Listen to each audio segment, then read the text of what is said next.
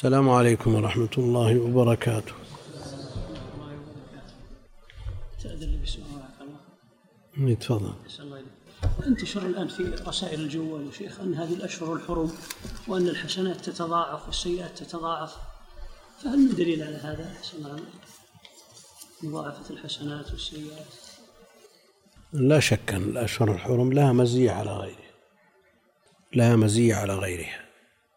ولا شك أن الأعمال فيها سواء كانت صالحة أو غير صالحة ليست كالأعمال في غيرها. وأما المضاعفة كما قال أهل العلم في المعصية في مكة أو في المدينة هذه لا تضاعف لكن تعظم لحرمة المكان.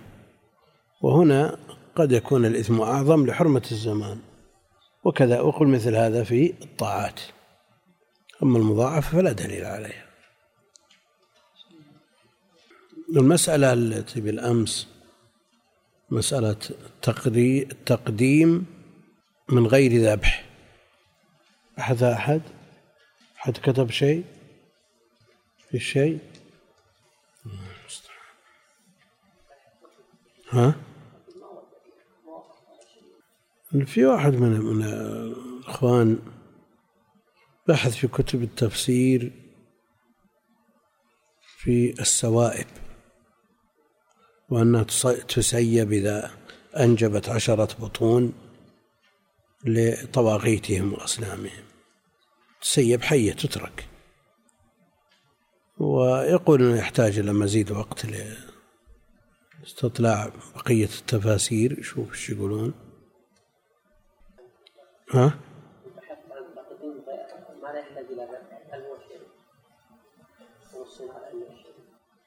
ما لا يحتاج إلى ذبح. لو قال بدل آه، قدم كبش قدم سمكة هذه لا تحتاج إلى ذبح. ومن تتمة الكلام الماضي وجاء فيه.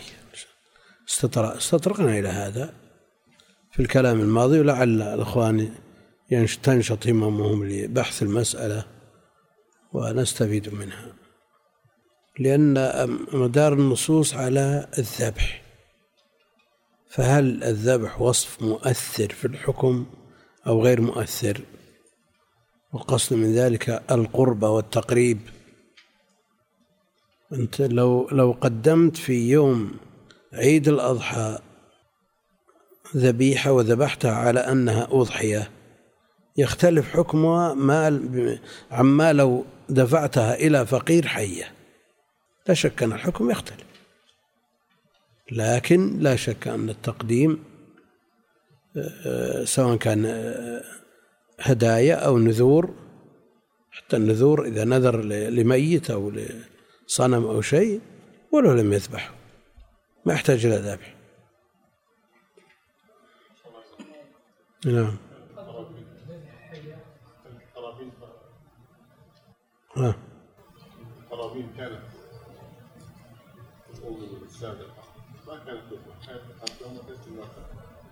وتأتي النار فتأكله هذا هذا المتقبلة. هذه المتقبلة. إيه لكن من يقول أن أن أن ما حقه الذبح؟ أو من ما من شأنه أن يذبح يقدم ما ذبح. حتى في الأمم السابقة. نعم.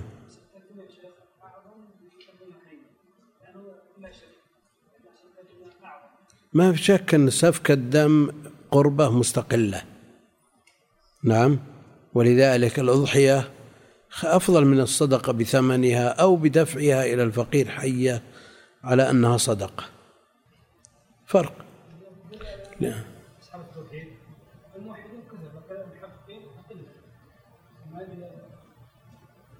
وشو؟ أنا أقول كون النصوص كلها تنص على الذبح. هل هذا وصف مؤثر أو غير مؤثر بس؟ ولا الذباب ما يتصور ذبحه بعد؟ إلا كان بيمرس مرس بالإصبع وش سوى أبو ما يتصور ذبحه الذباب. فلا شك أن فيه ما يدل على أن تقديمها حية مثل ذبحها. واضح؟ يؤجل البحث للدرس القادم إن شاء الله تعالى وفيه فسحة ثلاثة أيام وأربع كافية إن شاء الله. وأظن وقفنا على المسائل. الحمد لله رب العالمين وصلى الله وسلم وبارك على عبده ورسوله نبينا محمد وعلى آله وصحبه أجمعين. أما بعد فيقول الإمام المجدد رحمه الله تعالى كعادته في كل باب فيه مسائل. وأشرنا إلى أن هذه المسائل في غاية الأهمية لأنها إشارات فوائد مستنبطة من نصوص الباب وأحيانا يكون فيها إشارات خفية تحتاج إلى مزيد تنبه وعناية مثل تراجم البخاري رحم الله الجميع. الأولى أن عطف الدعاء على الاستغاثة من عطف العام على الخاص. يعني في الترجمة قال رحمه الله باب من الشرك أو أن يستغيث بغير الله أو أو أو يدعو غيره. باب من الشرك أن يستغيث بغير الله أو يدعو غيره. قلنا أن الاستغاثة نوع خاص من الدعاء. نوع خاص من الدعاء والدعاء أعم لأنه قد يكون في كربة وقد يكون في أمر أسهل فهو أعم. فعطف الدعاء على الاستغاثة من باب عطف العام على الخاص وأسلوب مستعمل في القرآن والسنة وفي لغة العرب. إنا أوحينا إليك كما أوحينا إلى نوح والنبيين. إنا أوحينا إليك كما أوحينا إلى نوح والنبيين. نوح ليس من النبيين لكنه خاص. وفائدة عطف الخاص على العام أو عكسه عطف العام الخاص؟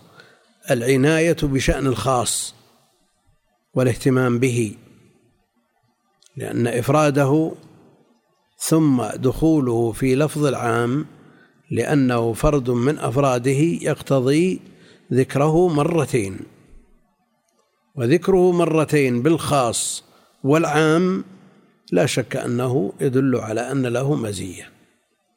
وأما بالنسبة لنوح فهو أول الرسل إنا أوحينا إليك وإلى إنا أوحينا إليك كما أوحينا إلى نوح والنبيين من بعده. يدل على الاهتمام بشأن نوح لأنه أول الرسل وإن لم يكن أفضلهم لكن هذه مزية له. أول الرسل. الثانية قو تفسير قوله ولا تدع من دون الله ما لا ينفعك ولا يضرك. الآية الأولى ولا تدع من دون الله ما لا ينفعك ولا يضرك. فإن فعلت فإنك إذا من الظالمين. ورتب عليها مسائل. الثالثة تفسيرها تقدم وأن المخاطب بها هو النبي عليه الصلاة والسلام وخطابه بمثل هذا النهي لا لأنه يمكن وقوعه منه لا لأنه معصوم وإنما ليتنبه أتباعه لأنه إذا كان وهو المعصوم ينهى عن مثل هذا فكيف بغيره؟ كما في قوله لئن أشركت لا يحبطن عملك وهو معصوم من الشرك فما دونه. فكيف بغيره؟ كيف يأمن المسلم؟ كيف يأمن المسلم من أن يحصل له خلل في دينه في عقيدته في عبادته؟ والنبي عليه الصلاة والسلام المعصوم يوجه إليه مثل هذا الأسلوب بالنهي ولا تدع من دون الله ما لا ينفعك ولا يضرك. ومنهم من يقول أن الخطاب وإن كان مصدرا بضميره أو موجها إليه إلا أن المقصود به غيره وليس هو المقصود. ومنهم من يقول أن الخطاب لكل من يتأتى ويصح منه ويصح أن يخاطب بمثله. فهو عام ليس خاص بالنبي عليه الصلاة والسلام. ولا تدع من دون الله ما لا ينفعك ولا يضرك. الثالثة أن هذا هو الشرك الأكبر. أن هذا هو الشرك الأكبر لأنه قال إنك إذا من الظالمين. فإن فعلت فإنك إذا من الظالمين. والظلم هو الشرك كما بقوله جل وعلا إن الشرك لظلم عظيم. لظلم عظيم. وإن كان لفظ الظلم يشمل الشرك وما دونه على كل حال لكن المقصود به في الآية كما في آية لقمان. ها؟ شو؟ أن هذا هو الشرك. دعاء غير الله مما لا ينفع ولا يضر. هذا هو الشرك. الرابعة أن أصلح الناس. لو يفعله إرضاء لغيره صار من الظالمين. يعني دخل. إن أصلح الناس. ومن أصلح منه عليه الصلاة والسلام. من أصلح من النبي عليه الصلاة والسلام؟ والله جل وعلا يقول فإن فعلت فإنك إذا من الظالمين. ولو كان من أصلح الناس. ومع هذا يبقى الإنسان خائفا وجلا من أن يقع في الشرك ولا يشعر. فإذا كان النبي عليه الصلاة والسلام المعصوم أفضل الخلق وأكمل الخلق وأشرف الخلق وأتقاهم لله يخاطب بمثل هذا فكيف بغيره ممن يجوز وقوعه منه؟ وقد وقع من كثير من فئام من الناس. كما هو معلوم ومشاهد أن أصلح الناس لو يفعله إرضاء لغيره صار من الظالمين. ولذا المجاملة في دين الله لا تجوز. وفرق بين أن يجامل بارتكاب محظور أو ترك مأمور وبين أن يجامل بما دون ذلك. فرق بين المداهنة والمداراة هي كلها مجاملة لكن المداهنة التنازل. التنازل مع الخصم أو مع من يراد مداهنته بترك واجب أو فعل محظور. ودوا لو تدهنوا فيدهنون. بخلاف المداراة لا يترتب عليها محظور ليس فيها ترك واجب ولا فعل محظور إنما معاملة حسنة في الأسلوب وهذه جائزة. لا سيما إذا ترتب عليها مصلحة. والنبي عليه الصلاة والسلام لما قال بئس أخو العشيرة قال بئس أخو العشيرة ثم استأذن عليه فأذن له وانبسط معه في الكلام. انبسط معه في الكلام يعني داره. مداره قالت عائشة يا رسول الله قلت ما قلت وانبسطت في الكلام. قال إن شر الناس من تركه الناس اتقاء شره. بعض الناس يجاملون ويدارون من أجل اتقاء شرهم. فمثل هذا إذا لم يترتب عليه ترك واجب ولا ارتكاب محظور هذا لا شيء فيه. وقد يكون مشروعا إذا دعت الحاجة إليه كما فعل النبي عليه الصلاة والسلام. الآن تجدون شيء من المجاملات في المناظرات مع الخصوم وفي الحوارات. موجود هذا. تجد المناظر من أهل الحق في الآن ما في ما في سر الآن الآن في في القنوات مرئية ومسموعة وتجده قد يتنازل عن بعض الشيء من أجل كسب الخصم. نقول هذا التنازل إذا كان بغض النظر عن محظور عند الخصم لا يبين ولا يراد بيانه لئلا ينفر والسكوت عليه ومجاملته معه وموافقته عليه هذا لا يجوز. هذا هذا الداخل في قول ود ولا تدن ويدهنون ونرى كثير من الحوارات آه، فيها شيء من هذا. فيها شيء من هذا. بحجة كسب الخصم. وهذا لا يجدي. لا يجدي عند الله شيئا. قال له صاحبه وهو يحاوره أكفرت بالذي خلقك. المقصود أن أن أن الصراحة هي المطلوبة في مثل هذا المجال. لكن المجاملة التي لا يترتب عليها ترك واجب ولا ارتكاب محظور جاءت جاء بها النص في حديث عائشة. أن أصلح الناس لو يفعله إرضاء لغيره صار من الظالمين. الخامسة تفسير الآية التي بعدها. وإن يمسسك الله بضر فلا كاشف له إلا هو. يمسسك الله بضر فلا كاشف له إلا هو. وقلنا في درس الأمس أنه في آية يونس وإن يردك بخير. في سورة الأنعام قال وإن يمسسك. وعرفنا أن الإرادة الإرادة أبلغ من مجرد المس. كيف؟ وما ربك بظلام للعبيد. ونفى جل وعلا إرادة الظلم عن نفسه. فالذي ينفي إرادة الشيء أبلغ من نفي الشيء نفسه. الذي ينفي إرادته ينفي التفكير فيه. يعني بالنسبة للبشر. وإن يمسسك يعني يصبك بضر فلا كاشف له إلا هو. لا يكشف الضر إلا الله جل وعلا.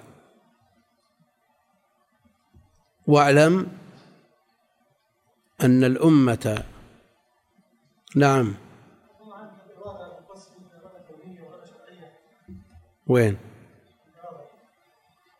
إن يردك بخير. معروف معروف لكن هل هنا هل هذه إرادة كونية؟ إرادة الخير. خاصة بإرادة الخير قلنا. نعم.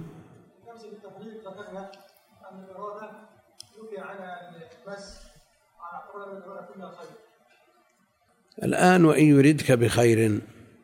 إرادة الخير شرعية ولا كونية؟ نعم شرعية بلا شك. وإن يمسسك الله بضر فلا كاشف له إلا هو. قطعة الكلام الله يسلمك.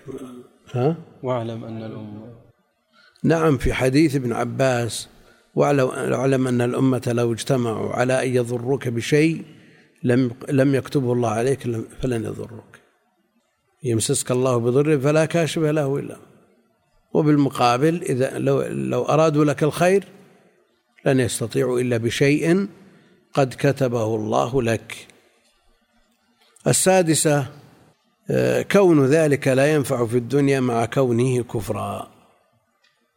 كون ذلك لا ينفع في الدنيا مع كونه كفرا.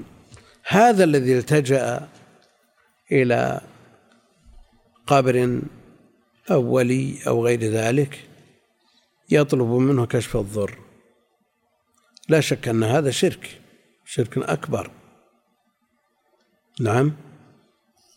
مع كونه شرك أكبر هل ينفع صاحبه؟ تسأل شخص مسكين ضعيف مثلك لما كان حيا مثلك لا يستطيع أن يدفع عن نفسه ضرا ولا يجلب لها نفعا. فكيف به وقد أرم. كون ذلك لا ينفع في الدنيا مع كونه كفرا يعني ضر ضررا بالغا. لو لو لو كان يستفيد كان له مستمسك ولو كان ضعيفا. مع أن كونه يستفيد لا ينفي ولا يمنع أن يكون شرك كما قلنا سابقا. تفسير الآية الثالثة قوله فابتغوا عند الله الرزق واعبدوه. اطلبوا الرزق من الله جل وعلا لا من غيره.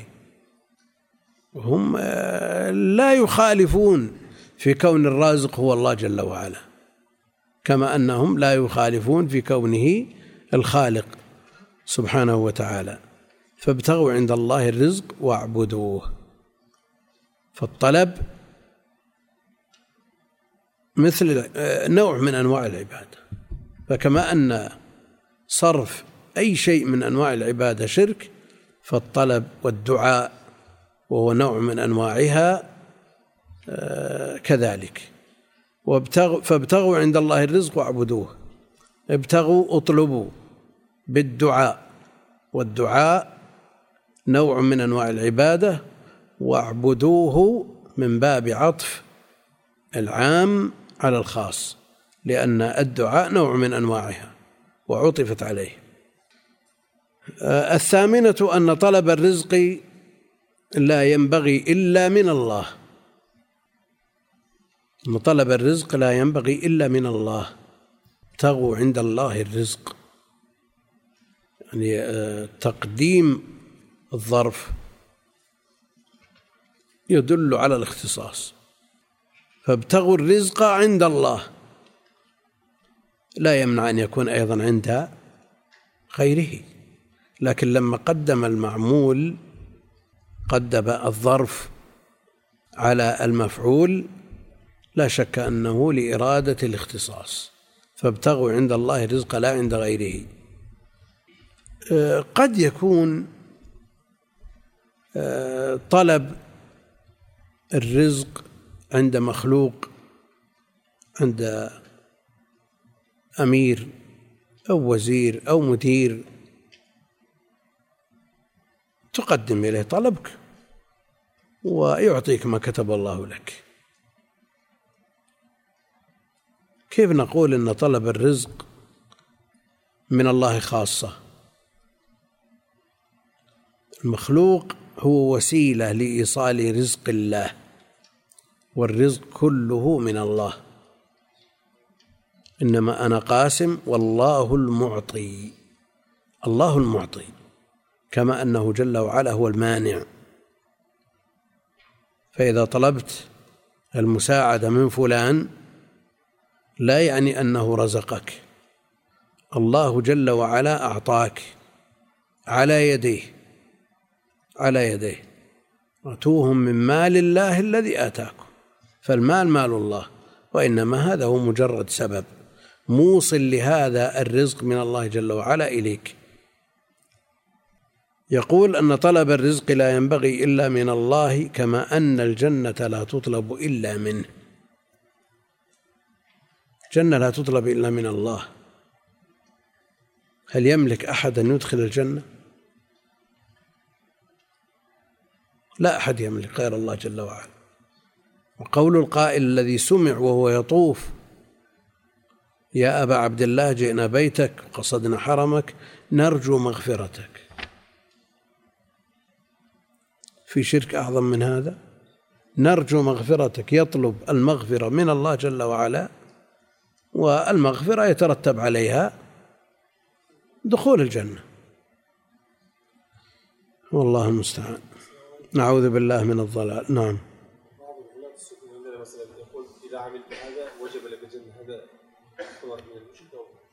شلون؟ يقول يعني مباشرة يعده. إذا عملت كذا ووجب لك الجنة يعني هذا مثل اللي يعطون سكوك. في النصرانية يعطون سكوك. وبعض غلاة المبتدعة يعطون أيضا. يعني أصلا بهذه الكلمة يعني مشركة شلون؟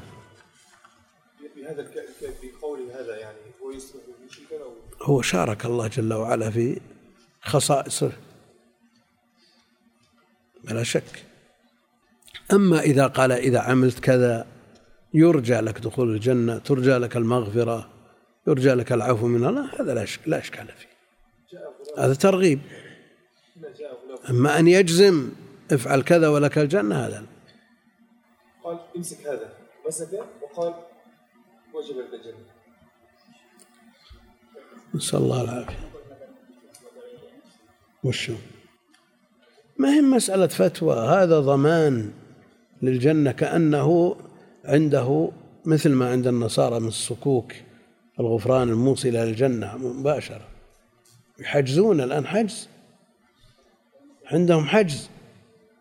وبعض الغلاة من من الطوائف المنتسبة إلى الإسلام آه، يعيدون أتباعه وفيه نصوص. في كتبهم. ها؟ تباع بيع نعم. نسأل الله العافية. التاسع تفسير الآية الرابعة. ومن أضل؟ ممن يدعو من دون الله. يعني لا أحد أضل. ممن يدعو من دون الله من لا يستجيب له. إلى يوم القيامة. من لا يستجيب له إلى لا يوجد أضل ممن يفعل شيئا لا أثر له ولا وجود له ولا نفع منه. يعني مع كونه شرك أيضا الأثر منتفي. ومن أضل ممن يدعو من دون الله من لا يستجيب له إلى يوم القيامة. وهم عن دعائهم. ويوم القيامة يكفرون. هم عن دعائهم غافلون بعده وإذا حشر الناس كانوا لهم أعداء. وإذا حشر الناس يعني يوم القيامة يكونون لهم أعداء. هؤلاء المدعوين يكونون أعداء لهؤلاء الذين دعوهم. ولذا يقول الشيخ رحمه الله آه، العاشر ذكره أنه لا أضل ممن دعا غير الله وهم عن دعائهم غافلون. قال في الحادية عشرة أنه غافل عن دعاء الداعي لا يدري عنه. غافل عن دعاء الداعي لا يدري عنه. لماذا؟ لأنه إما ميت أو غائب.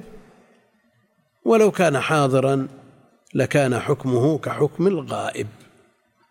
لكان حكمه كحكم الغائب لأن الأثر المترتب على على هذا الدعاء لا, لا وجود له. فغيابه وحضوره وحياته وموته سواء. لأنه لا يست... لن يستجيب له.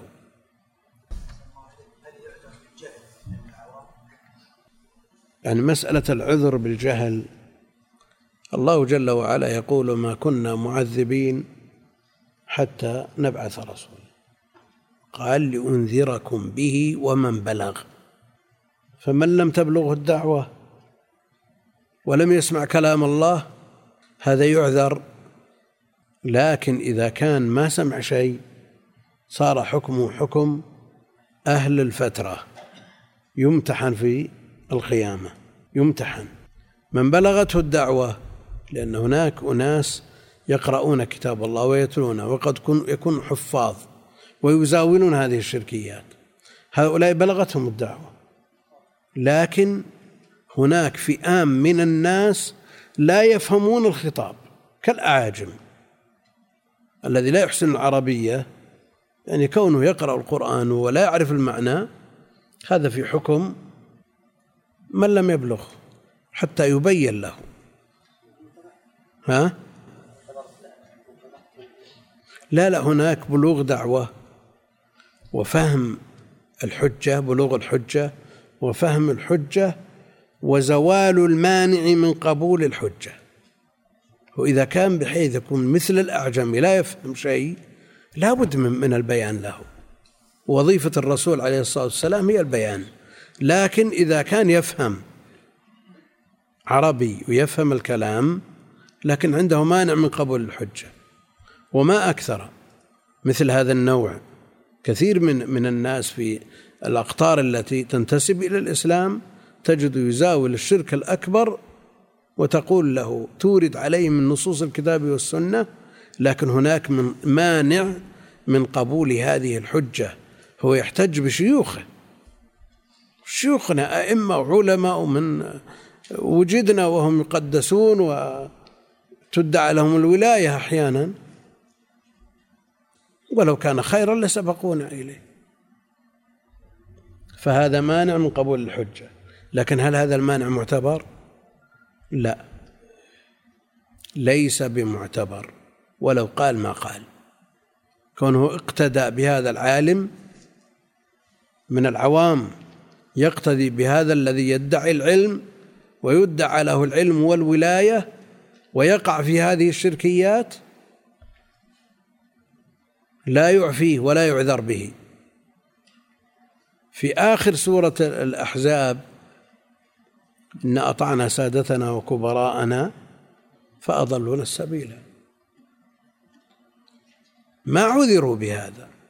أطاعوا سادتهم وكبراءهم واقتدوا بهم وصموا آذانهم عن سماع قوله غيرهم لم يعذروا. لا بد أن تبلغ الحجة لكن لا وتفهم الحجة يعني بعض أنت لو يقع بيدك كتاب بغير لغتك ما فهمت شيء كذا نعم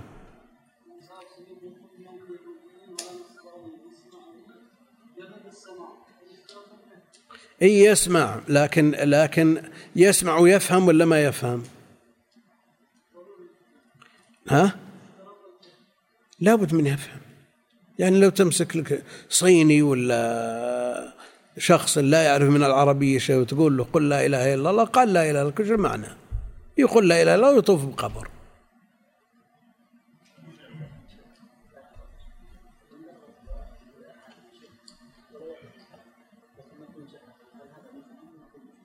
وين؟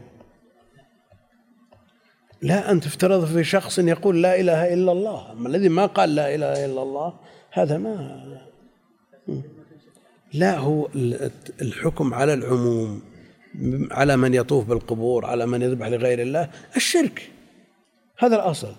لكن العذر وتطبيقه على الأفراد والأعيان هذا الذي يختلف.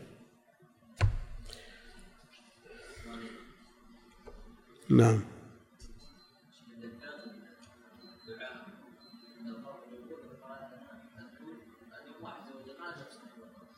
شو؟ يقول أنا أدعو الله ما أدعو يدعو عند هذه بدعة. إذا كان يدعو الله جل وعلا في هذا المكان هذه بدعة ما قال شرك. لكن إذا دعا صاحب القبر لا شك أنه شرك. يوجد هذا عند قبره عليه الصلاة والسلام. تجد يدعو الله جل وعلا ورافع يديه مستقبل القبر القبر مستدبر الكعبة. هذا مبتدع. نعم.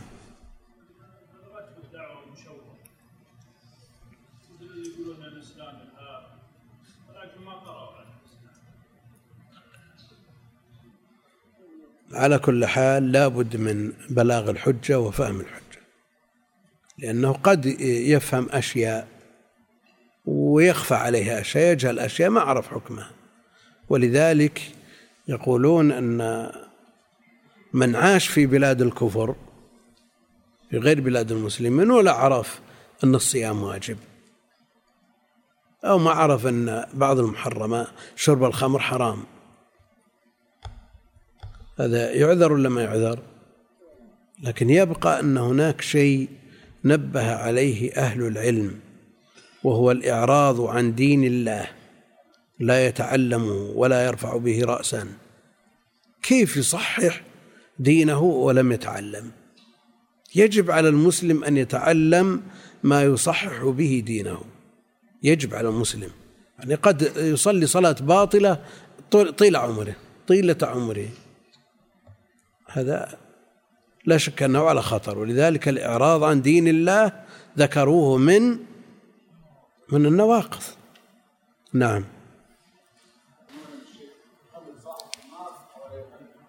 شو؟ إذا قلنا أكبر فصاحبه مخلد في النار وإذا قلنا أصغر معروف حكم الشرك الأصغر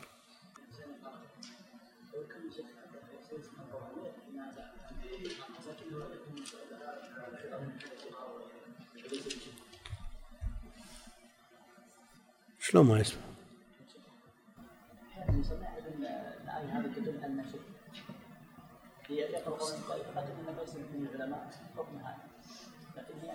يعني مثل الآية التي مرت بنا؟ ولا بس ما يفهم معناه إلا يفهم أن هذا دعاء غير الله جل وعلا. يعرف ما في أحد ما ما يفهم النهي الوارد في لا تدعو من دون الله ما ينفعك ولا يضرك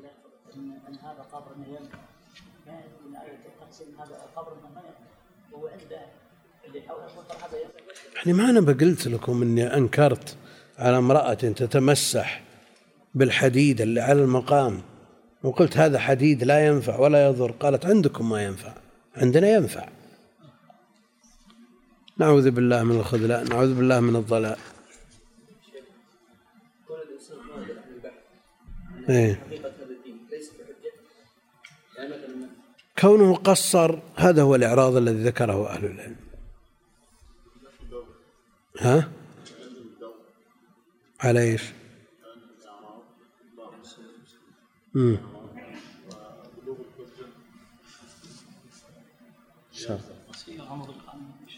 شو؟ طيب نعم كان عربي وبلغته الحجه ويفهم اللغة العربيه لكن مشايخه يقول ان هذا من التوسل المشروع ويوردون عليه الشبهه مثلها مثل ما قلنا أن الزوال المانع من قبول الحق بدليله ليس ب ليس ب مبرر لعذره. إن أطعنا سادتنا وكبراءنا فأضلونا السبيل. ولا عذروا.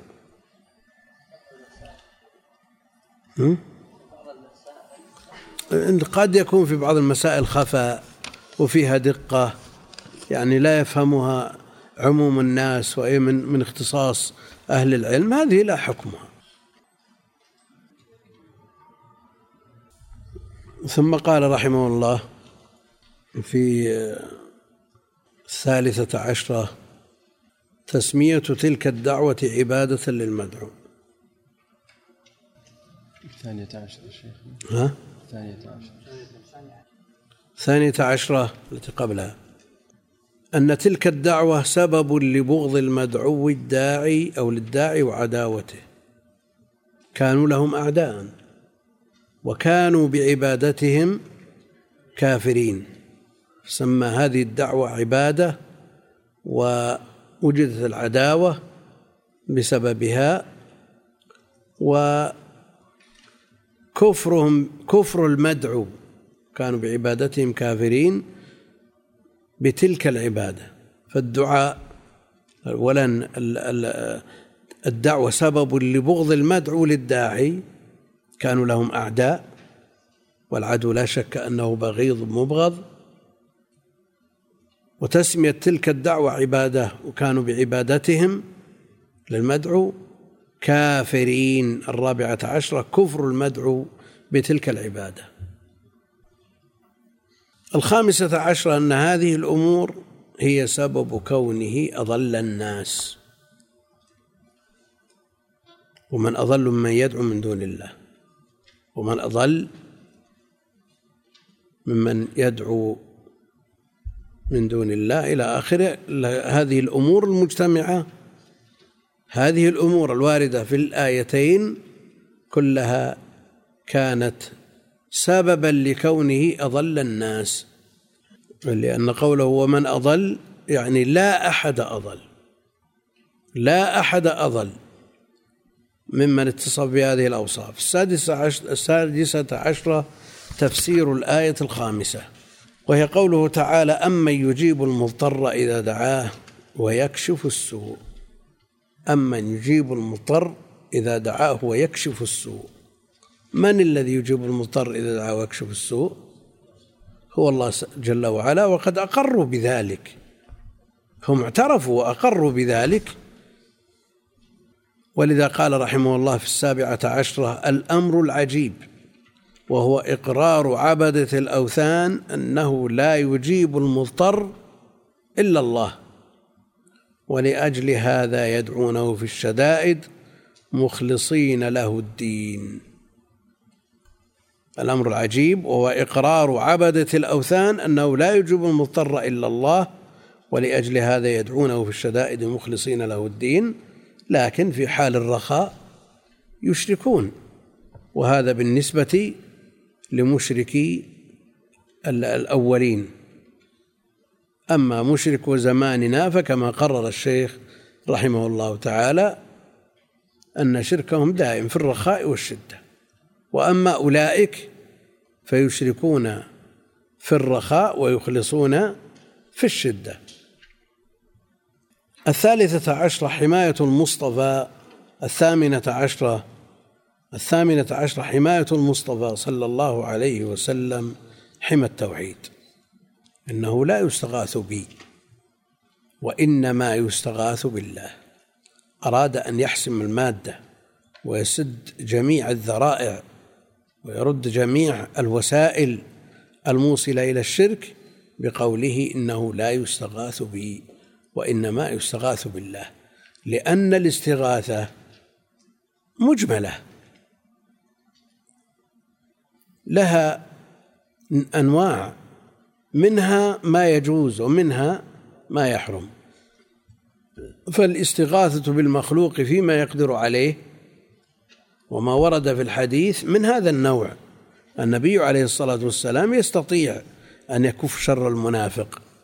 نعم لكن اللفظ محتمل. قوموا بنا نستغيث برسول الله صلى الله عليه وسلم من شر هذا المنافق وفي أنواعها ما هو شرك. النبي عليه الصلاة والسلام قال إنه لا يستغاث بي وإنما يستغاث بالله جل وعلا. ولأجل هذا قال رحمه الله حماية المصطفى صلى الله عليه وسلم حمى التوحيد والتأدب مع الله جل وعلا. والتأدب مع الله عز وجل. فجعل الاستغاثة كلها بالله جل وعلا. وإن كان بعضها مما يجوز صرفه للمخلوق. ولا شك أن سد الذرائع مطلوب. ولا تسبوا الذين يدعون من دون الله فيسبوا الله عدوا بغير علم. والصحابة والسلف جاء عنهم أنهم كانوا يتركون تسعة أعشار الحلال مخافة أن يقعوا في الحرام. تسعة أعشار الحلال مخافة أن يقعوا في الحرام. ونسمع من من يقول أننا ضيقنا على أنفسنا بسد الذرائع.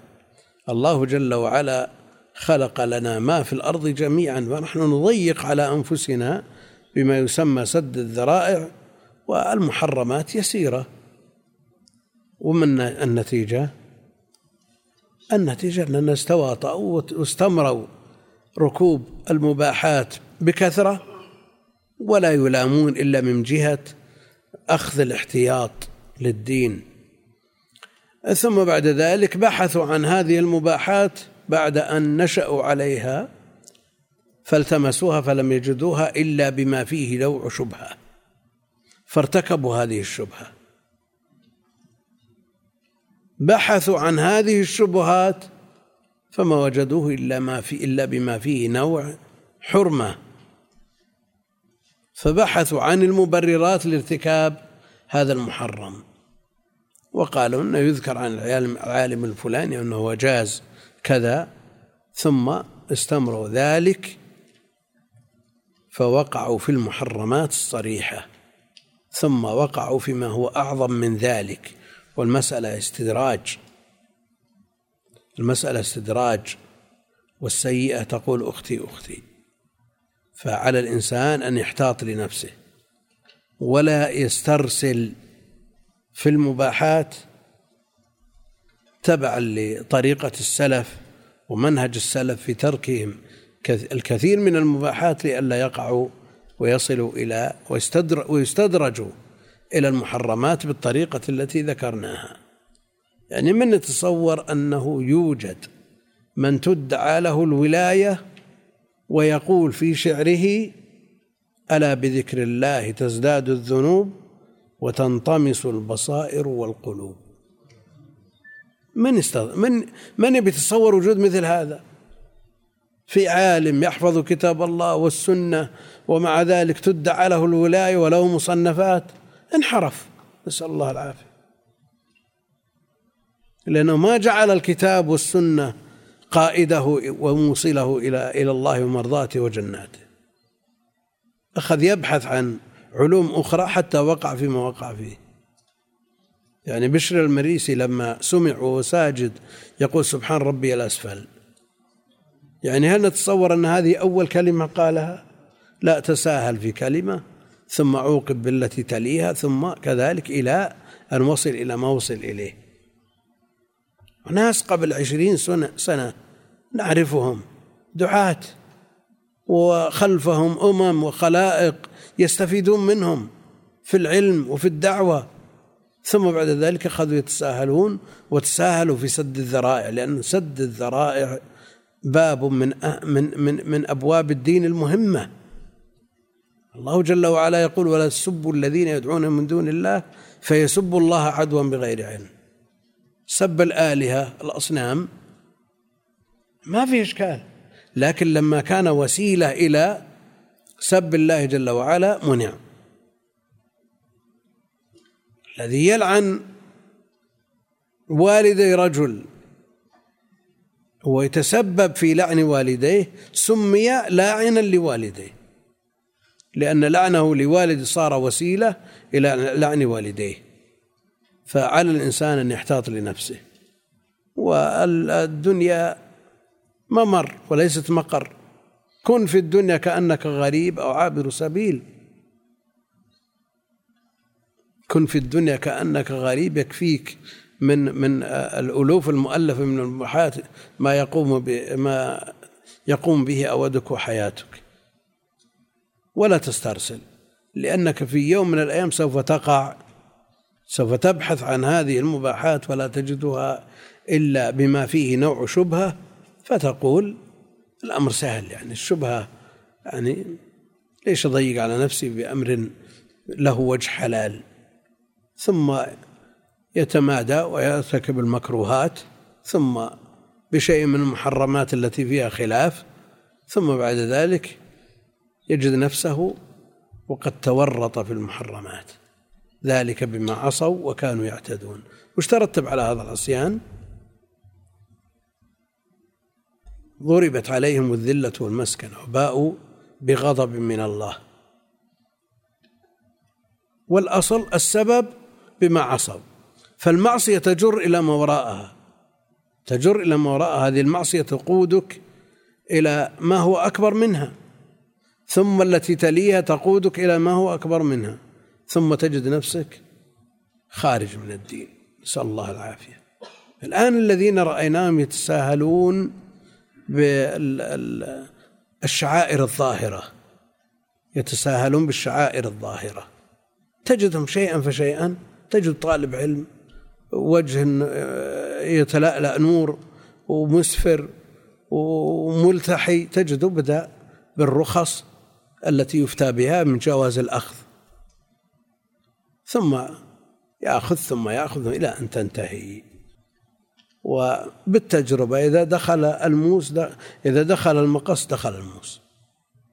ثم تجده بعد ذلك يسبل ثم تجده يجلس في مجالس يجاملهم وكذا إلى أن ينتهي. نسأل الله العافية. تفضل. من العجيب إيه. وهو إقرار يقرون. إيه. أنه لا يجب المضطر إلا الله. ليس من العجيب أن الله يستجيب لهم بعد ما ينجيهم يشركون الحلم حلم الله جل وعلا واستدراجه لبعض خلقه وتأخيره إياهم. لا شك أن هذه حكمة إلهية. قصدهم. شوف بعد الذين يظلمون الناس ويمكثون على ذلك عشرات السنين. والله جل وعلا يغدق عليهم من النعم ويبتلي أحبابه وأولياءه. هذه حكمة إلهية لأن الدنيا جنة الكافر وسجن المؤمن سجن المؤمن وجنة الكافر. نعم. الدعاء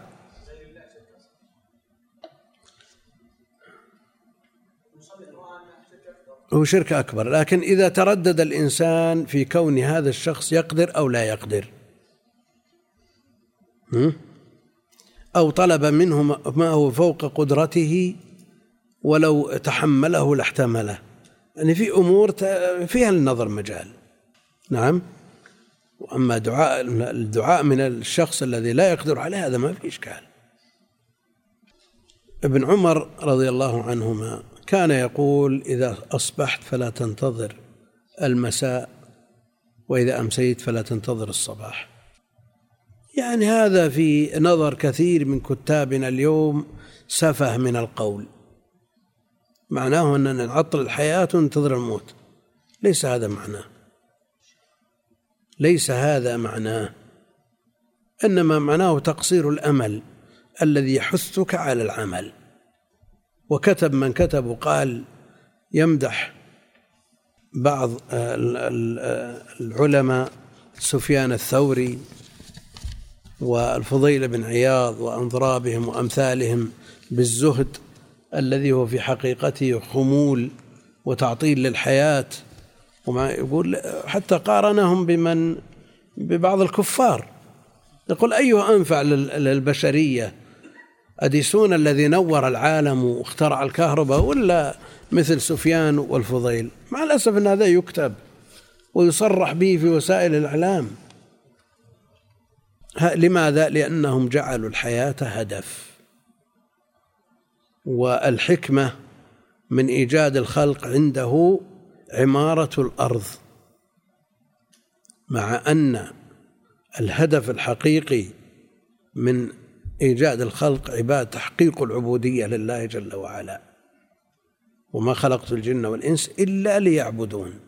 فإذا اختلف التصور يبنى هذا يبنى على تصوره أشياء وهذا يبني على تصوره أشياء.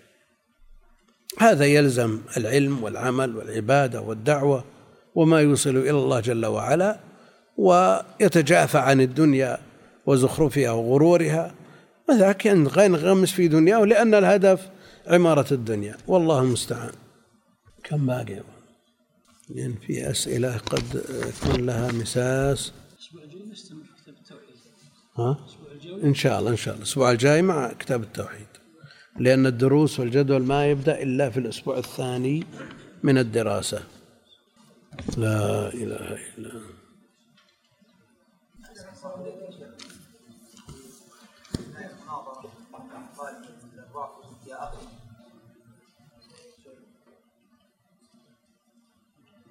فيش.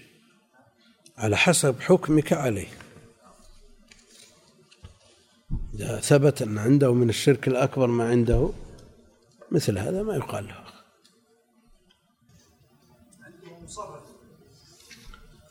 كتبهم كتبهم طافحة بما إيه؟ هذا ما يقال له. أخ ولا كرامة. هم يقولون هذا من باب مصلحة الدعوة. نبدأهم بالسلام ونلين لهم. اللين والمداراة مطلوبة لكن مخالفة النصوص له نعم. إيه. شو؟ الشر مثلا. الشر عموما. الله جل وعلا لا يفعل إلا خير. لكن ينتج من فعله ما فيه نوع ضرر خلقه لحكمة. يعني حينما خلق الحي والعقرب هل شر محض؟ لا. ولذا قال في الحديث والشر ليس إليك. لأنه ترتب عليه مصالح وهذا يقودنا إلى الحديث عن عن بعض من يولد وفيه نقص وفيه عاهة وفيه تشوه ويخرج عالة على والديه ويتضرر هو ويتحسر في حياته أو أهله أيضا كذلك ينالهم من الضرر ما ينالهم. بعض العلماء يفتي بأن مثل هذا يسقط قبل أن تنفخ فيه الروح. لأنه لا خير في بقائه. يغفلون عن الأجور العظيمة المترتبة على وجوده بالنسبة له ولوالديه. هناك أجور عظيمة وذكرها ابن القيم وأفاض فيها ومع الأسف أن فيه فتوى بجواز الإجهاض في مثل هذه الحالة قبل أن تنفخ فيه الروح. ونكون بهذا قد وافقنا الكتاب الذين ينتقدون الحكمة الإلهية. يقول إيش الفائدة تحامل الأم تسعة أشهر ثم يسقط الولد أو يخرج ميت. كتب هذا مع الأسف. أو يخرج آه، مشوه أو يخرج في عاهات مستعصية أو لا يعيش إلا على أجهزة. ولا من الذي صنع؟ من الذي أوجده؟ من الذي خلقه؟ الحكيم الخبير. ألا يعلم من خلق؟ وهو اللطيف الخبير. يعني أنت أرحم من الله جل وعلا الذي خلقه على هذه الهيئة وعلى هذه الصفة؟ أنت أرحم به وبأمه ووالديه وأسرته من الله جل وعلا الذي أوجده؟ نسأل الله السلامة والعافية. وين؟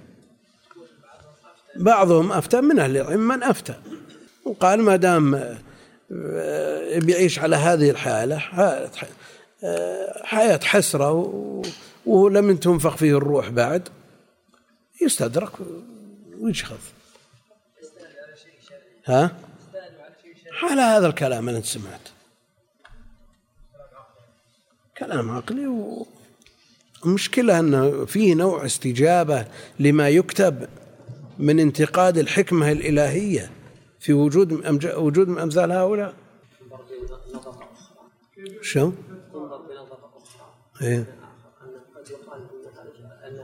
قد لا يصبرون وقد لا يتحسرون فلا فلا يدركون لا اجر ولا الله حكيم عليم الله حكيم عليم بعد الذي الذي كتب عليه أنه يموت على الشرك بعد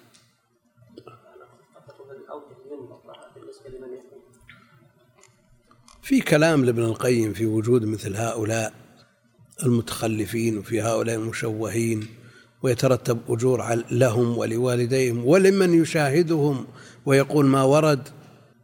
حكيم عليم شيخنا الذي ينشأ في بيئة انتشر فيها الشرك وهو لا يقرأ ولا يكتب يقلد الناس اللي حوله ويطوف حول القبور مسألة العذر بالجهل عند أهل العلم محررة ومقررة ومعروفة.